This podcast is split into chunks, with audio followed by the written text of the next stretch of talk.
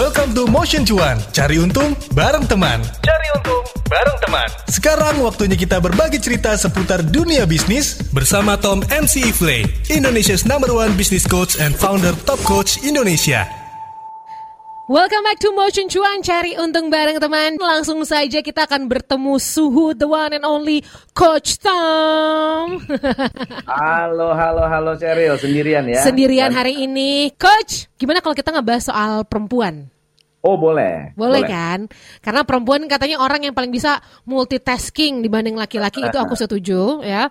Dan katanya perempuan itu adalah juga tulang punggung dari usaha UMKM di Indonesia. Karena ini menurut data ya, bukan Setuju, menurut aku. Katanya gitu. Katanya sih pelaku UMKM Indonesia adalah perempuan. Persentasenya coach itu 64,5 coach. Wow. Itu itu gede Benar. banget ya. Gede banget. Dari 37, 37 juta Iya. UKM Uh-uh. itu dikelola oleh wanita. Wow, Keren, wow, keren. Itu itu keren banget. Nah, makanya pas banget aku juga sendirian gitu ya. Ini juga banyak teman motion nih yang ciwi-ciwi gitu. Kita pengen cari tahu lebih banyak soal perempuan yang bisa sukses berbisnis. Karena semakin sekarang aku lihat makin banyak lady boss, lady boss nih coach. Iya kan? Benar. Tapi kan kata orang perempuan itu kan katanya selalu pakai perasaan. Sementara eh, kadang-kadang kita pun butuh logika untuk melakukan hal-hal yang praktikal dalam hidup. Nah kalau menurut Coach Tom, apa sih yang ngebedain ketika seorang perempuan menjalankan sebuah bisnis atau sebenarnya sama aja, laki-laki dan perempuan sama aja tekniknya?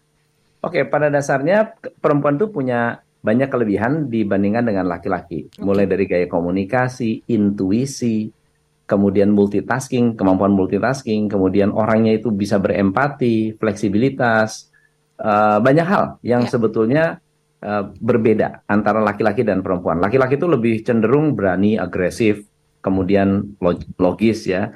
Tetapi ketika berbicara soal insting, intuisi, wanita itu memiliki perbedaan gitu. Oke. Jadi kepekaan dia itu beda. Wanita itu lebih baik dalam berkomunikasi, ketika berkolaborasi, ketika menjual, orang itu lebih lebih accepting. Orang itu lebih mau menerima wanita dibandingkan pria. Karena perempuan mungkin selalu menggunakan tadi yang Coach Tom bilang adalah intuisi gitu ya. Betul. Intuisi perempuan yang nggak bisa, yang memang belum bisa compare dengan laki-laki. Kadang mereka suka kayak, oke, ini kayaknya ini nih saatnya nih yang tepat. Tapi kadang-kadang itu membuat terlalu sensitif nggak sih, Coach? Memang eh, yang akan mengatakan sensitif laki-laki. Kalau wanita dengan wanita akan bilang oke, fine fine aja, Keren. bener lu, bener lu, gua setuju. Tapi kalau laki-laki akan bilang enggak, kamu nih terlalu sensi. Misalnya contoh ya, kita studi kasus ada orang mau direkrut, Oke. Kita bisnis, let's say suami istri. Suaminya selalu bilang oke oke oke oke, bagus bagus bagus bagus. Lihat resumenya bagus, waktu interview bagus, semuanya bagus. Tapi istrinya bilang, gua kayaknya nggak serak deh. Walaupun semuanya semuanya bagus, tapi ada sesuatu deh yang membuat nggak serak. Karena wanita itu ternyata punya radar berbeda dengan laki-laki. Oh, Wanita itu eh, tidur aja lebih banyak sel-sel yang menyala di otaknya dibandingkan pria. Gitu. Kalau laki-laki tidur 70% tidur, Hmm. 80% tidur. Jadi kalau ada bayi nangis dia nggak dengar. oh, Itu bukannya dia nggak mau dengar. iya. Ya memang 20% yang eh, eh, eh, terbangun itu fungsinya adalah untuk kalau benar-benar bahaya gitu Yes. ya. Tapi wanita itu 80 sampai 90% otaknya itu tetap menyala. 10% yang tidur. Wow, menarik ini datanya. Iya. 10% yang tidur. Makanya wanita sering merasa kurang tidur walaupun dia tidur. Karena tetap mikir gitu ya, kayak tetap Actually dia aware. harus alert. Oh, Posisinya harus alert. Jadi sangat kenapa banyak pengusaha sukses wanita? Karena dia berusaha untuk menjaga bisnisnya agar tidak ada mara bahaya. Hmm. Oke? Oke. Tetapi ada masalah nih, ada masalah. Masalah dengan si uh, wanita yang terlalu uh, in- menggunakan insting, terlalu mengandalkan insting, kadang-kadang judgementnya menjadi lebih bias. Yes. Karena sama anak, uh, anak dengan karyawan itu rasanya nggak ada bedanya. Jadi bias. Ini karyawan melakukan kesalahan, uh, seperti anaknya melakukan kesalahan. I see. Di satu sisi pastilah ada plus minus. Di satu sisi akan menunjukkan bahwa uh, leader ini bijaksana. Si leader ini bisa menjalankan uh, fungsi leadership secara lebih pemaaf. Tapi di sisi lain, terkadang kalau sudah melanggar aturan terlalu jauh, harusnya ada ketegasan. Nah, ketegasan itu sering kali kurang dilakukan oleh si wanita. Ay, mungkin ini karena wanita kan selalu tugas dalam kehidupannya mengayomi ya. Jadi kadang nah, itu dibawa gitu ya coach ya. Benar, benar. Oke, okay, coach, coba ada nggak sih cerita pengalaman pebisnis perempuan yang sukses gitu coach? Banyak ya sebenarnya ya. banyak ya. Kalau kita buka internet ada banyak sekali. Ya contoh Ibu Marta Tilar, Wah, Sari Ayu Marta Tilar. Berdiri uh, sejak tuh ya. Uh, itu luar biasa. Nyonya Menir ya kan? Iya, iya. Itu nggak ya? Kemudian kalau Anda mungkin pernah mendengar uh, B. Earl. B. Earl? B. Earl. Yes. B. Earl ini adalah satu uh, kosmetik dari seorang dari er, namanya Erliani. Erliani ini dulu mantan ini mantan TKI. Oke, wow. Jadi membuat sebuah produk yang bukan mantan TKI, mantan ART. Luar biasa ya, sih. Mantan ART, kemudian berbisnis kosmetik, sekarang miliarder, miliaran omsetnya. Atau hmm. mungkin yang kita pernah dengar uh, belakangan ini MS Glow. Itu kan wanita ya, juga ya. ya. betul. Nah, kebetulan saya kenal baik sama Maharaninya, hmm. bukan Sandinya. nah, Maharani ini dulu awalnya adalah seorang uh, karyawan, karyawan swasta. Ini adalah salah satu yang menurut saya sangat menarik ketika wanita menjalankan sebuah bisnis dan menggunakan kekuatan wanitanya, instingnya, kemampuan komunikasinya, kemudian uh, keluasannya hmm. dalam ber, berbisnis gitu ya jadi awalnya itu kan karyawan, orang marketing. Oh gitu. Okay. Memiliki uh, tugas tanggung jawab sebagai seorang karyawan di salah satu bank dan kemudian orang ini mencoba untuk menjual sesuatu karena ada produk yang dia suka. Hmm, hmm. Dia suka, dia pakai, lalu kemudian ditawarkan ke teman-temannya. Eh lu mau nggak? Bagus nih. Oh ya oke okay deh, gue order, gue order satu order, kedua order, lama-lama dia pikir, kenapa nggak ini jadi bisnis saja? Hmm. Lalu mulailah dia menjalankan bisnis, menjalankan secara lebih serius. Tapi yang yang menurut saya sangat bagus adalah insting. Instingnya adalah ini harus dikenal lebih luas lagi. Ya. Nah kebetulan karena dia orang marketing, ada fasilitas dari perusahaan untuk masuk bebas atau memiliki uh, apa privilege ya. untuk beriklan di majalah perusahaan. Dimasukinlah produknya di majalah perusahaan. Eh ternyata laku, ternyata booming. Si si sifat kedua dari si wanita ini yang menurut saya tidak ada di laki-laki adalah multitasking. Dia bisa multitasking, dia bisa sambil bekerja tanpa meninggalkan pekerjaannya, tetap bisa terima order, bisa sambil WA lempar ke suami ke pacarnya ya untuk menyiapkan barang lalu kemudian deliver, nagih orang, bikin laporan dan seterusnya itu sendirian. Itu sifat multitasking, itu hanya bisa dilakukan oleh wanita. Laki-laki udah meledak kepalanya. Gak bisa sih. Laki udah meninggalkan. Aduh gua udah gak kuat deh, udah gak sanggup. Apalagi ordernya makin banyak. Nah hebatnya wanita itu uh, pain apa ya? Pain tolerance ya? Tolerance-nya itu tinggi sekali. Katanya laki-laki kalau suruh melahirkan uh, seperti wanita, kita dalam berapa ini udah udah menyerah gitu. Ya sangat-sangat sangat-sangat apa ya unbearable buat laki-laki. Tapi wanita pain tolerance sangat tinggi. Sehingga ketika uh, melihat progresnya membaik, dia bukan menurunkan intensitas, tapi menambah intensitas. Mulai lebih berani, mulai bikin packaging. Itu adalah hal hal-hal yang dimiliki oleh wanita yang mungkin kalau secara logik laki-laki akan bilang nggak bisa, nggak masuk akal gitu. Tapi wanita memiliki insting yang kuat sehingga ya udah deh nggak apa-apa deh saya bikin, saya mulai. Ada keberanian juga. Wanita jauh lebih berani loh. Iya. Wanita jauh lebih punya keberanian untuk mengambil risiko. Dia ambil risiko. Nah ternyata hasilnya bagus. Dan hasilnya bagus itu kemudian dijadikan uh, serious business. Mm-hmm. Makanya akhirnya collab tuh MS ya Maharani dan Sandy. Makanya disebut MS Glow dan namanya juga cukup bagus ya. Maharani ini adalah resellernya Sandy. Oh. Jadi bukan nggak punya pabrik dia. Yang punya produk adalah Sandy. Jadi dia itu dia adalah reseller. Jadi dari reseller bisa seperti MS Glow. Coba bayangin. Ya. Jadi banyak orang yang meremehkan reseller, padahal sebetulnya banyak bisnis dimulai dari reselling. Hmm. Gitu. Keren sih, itu bener-bener, okay. iya keren banget. Maksudnya kita kadang-kadang ngawang ya, ah bisnis mah harus yang gede dulu, enggak juga gitu ya. juga. Dan tadi cerita dari coach itu menggambarkan bahwa kelebihan-kelebihan wanita seperti intuitif dan multitasking itu tuh bisa menjadi daya jualnya perempuan dalam dunia bisnis gitu ya coach ya. Benar.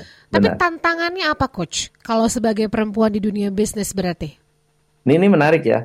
Jadi kalau berbicara soal uh, wanita berbisnis, mm -mm. ternyata tidak sedikit wanita yang nggak punya karyawan. Jadi itu itu kan ada positif, iya, iya. ada negatifnya. Dia ini sama wanita-wanita ini bener multitasking. Nih. Negatifnya multitasking. Jadi sekitar 50-an persen, 50 56 persen perusahaan yang didirikan oleh wanita itu sukses. Hmm. Tapi 26 persen itu nggak punya karyawan ya karyawan satu dua lah.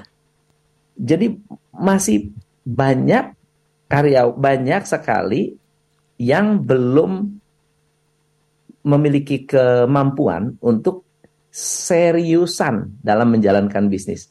Dia benar-benar bisa berbisnis, dia bisa berdagang, bisa meyakinkan orang, tapi nggak benar-benar mau membesarkan bisnis. Itu adalah salah satu akibat dari mampu multitasking. Saya masih bisa kerjain sendiri. Berapa yeah. banyak ibu-ibu di luar sana yang masakannya enak, betul ya? Yeah.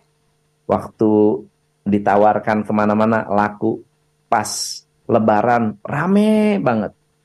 Lebaran selesai nggak dilanjutin. Kenapa? Ah nggak ah, lagi nggak ada waktu. Nggak ada waktu jadi nggak ada bisnis.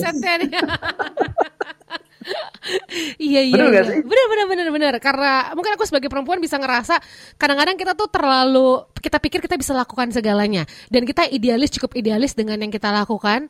Jadi kalau misalnya mau ada orang, udah udah gue masih bisa uh, kayak gitu kan ya coach ya. Nah jadi uh, kelemahan yang berikutnya adalah atau problem berikutnya yang sering kali kita temui adalah wanita ini memang terlalu banyak mengandalkan emosi jadi emosi itu lebih dominan. Positifnya adalah memang ada empati, bisa berempati. Tapi negatifnya terlalu berempati. Jadi kemampuan untuk menjalankan bisnis secara lebih tegas, memimpin dengan lebih bijaksana. Hmm. Bijaksana dalam arti mengikuti aturan. Itu uh, menjadi kurang. Iya. Jadi toleransinya tinggi toleransi oh telat. Kenapa? Anak sakit. Langsung berempati tuh iya bener saya masuk akal sih. ya. kalau saya juga anaknya sakit juga saya bisa merasakan. Itu nggak ada nggak ada nggak bisa negur gitu. Nggak bisa negur nggak bisa menindak nggak bisa membuat aturan. Kalau aturan dilanggar pun ya udahlah. Mau gimana lagi? Ya, ya, kasihan ya. gitu. Mau misalnya ada yang melanggar lalu kemudian kita lihat kasihan ya, akhirnya ya ya nggak bisa melakukan apa-apa. Sifat nurture-nya keluar gitu ya. Betul. Oke. Okay. Terlalu nurturing, yes. Terlalu nurturing, bagus dan gak bagus. Terlalu multitasking, bagus dan gak bagus ya. Ternyata aku sebagai perempuan cukup bangga. Perempuan itu kalau kata Coach Tom tadi itu pain tolerance-nya tinggi. Jadi dia tuh kalau misalnya tekanannya tinggi juga apa ya, malah semakin bisa terpacu gitu ya Coach ya. Iya. Dan tapi juga Nah, benar. Tapi juga karena terlalu banyak menggunakan emosi, terlalu banyak empati, kadang-kadang menjadikan kita leader yang mungkin kurang begitu tegas gitu. Nah, jadi kalau menurut Coach Tom sendiri dari semua yang udah dijabarkan itu, apa faktor-faktor akhirnya bisa membuat perempuan tuh bisa sukses dalam berbisnis? Oke. Wanita ini harus mengambil kaidah-kaidah bisnis agar bisa menjalankan bisnis dengan sehat jadi bukan hanya insting saja, hanya intuisi, tapi menjalankan bisnis ini dengan benar-benar proper. Apalagi tadi kita lihat 26% punya karyawan itu cuma satu.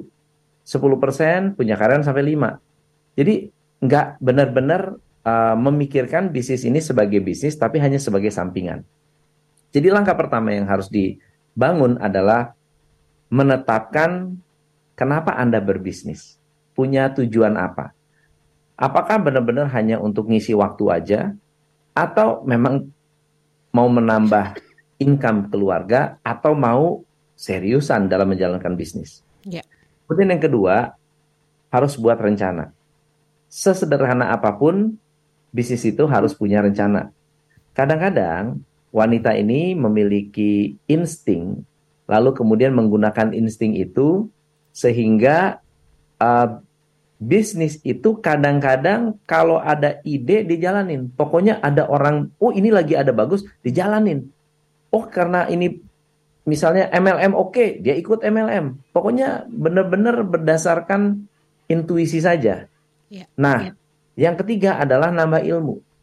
Harus mau menambah ilmu pengetahuan supaya keterampilan dalam menjalankan bisnis itu menjadi lebih mantap kalau masalah membangun relationship itu sudah bagus. Tapi kalau ada ilmunya, relationship itu menjadi lebih berkualitas. Yes. Nah, hati-hati dengan risiko. Risiko itu harus terukur. Ada satu riset yang cukup menarik. 75% pemain direct selling, MLM, money game, itu wanita. Iya. Mak-mak itu ide bisnisnya banyak. Jualan propolis lah, jualan sendal inilah, jualan kaos kaki lah yang kaos kaki magic lah. Ada apa namanya? lampu biru yang bisa menyembuhkan berbagai macam penyakit peredaran darah segala macam itu emak-emak tuh banyak ininya ide-ide bukan ide-ide bisnisnya menjalankan itu banyak jadi kumpul-kumpul untuk jualan uh, direct selling itu banyak sekali tapi itu tidak terarah. Kalau misalnya punya uh, bisnis yang lebih terarah, hmm. lebih terukur, bisnis itu akan menjadi lebih langgeng, lebih long term. Ya, begitu. Ya, ya. Jadi berarti intinya kita juga harus sebagai perempuan terus mau belajar, upgrade skill terus gitu ya. Melihat kaedah-kaedah bisnis yang benar juga di samping kita menggunakan intuisi kita. Oke, terakhir kalau gitu closing statementnya coach wanita punya banyak keunggulan, punya banyak kemampuan yang di luar dari yang dikuasai atau dimiliki oleh seorang pria.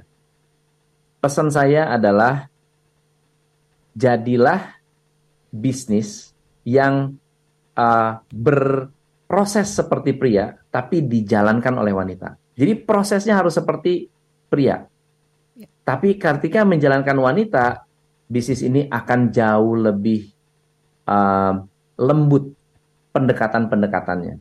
Dan biasanya pemimpin-pemimpin wanita ini bisa berempati uh, dengan baik antara karyawan pria dan wanita.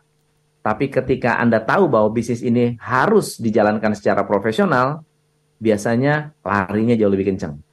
Cakep. Wah langsung pede nih bikin bisnis. Sudah. Bikin. Coach Tom, thank you so much ilmu-ilmunya so setiap hari selalu bisa memberikan ilmu-ilmu yang baru dan mudah-mudahan makin semangat nih teman-teman cuy-cuiku di luar sana ya bahwa wanita itu bisa, wanita itu strong, wanita itu bisa melakukan segalanya tapi jangan lupa juga banyak yang harus kita pelajarin ya teman motion. Coach Tom, thank you. Kita ketemu lagi minggu depan. Thank you so much. See you. Dadah. Itu dia Motion Cuan, cari untung bareng teman di minggu ini. Bersama Tom MC Ifle, Indonesia's number one business coach and founder Top Coach Indonesia. Tungguin obrolan seru lainnya di Motion Cuan, cari untung bareng teman. Sampai ketemu di episode minggu depan.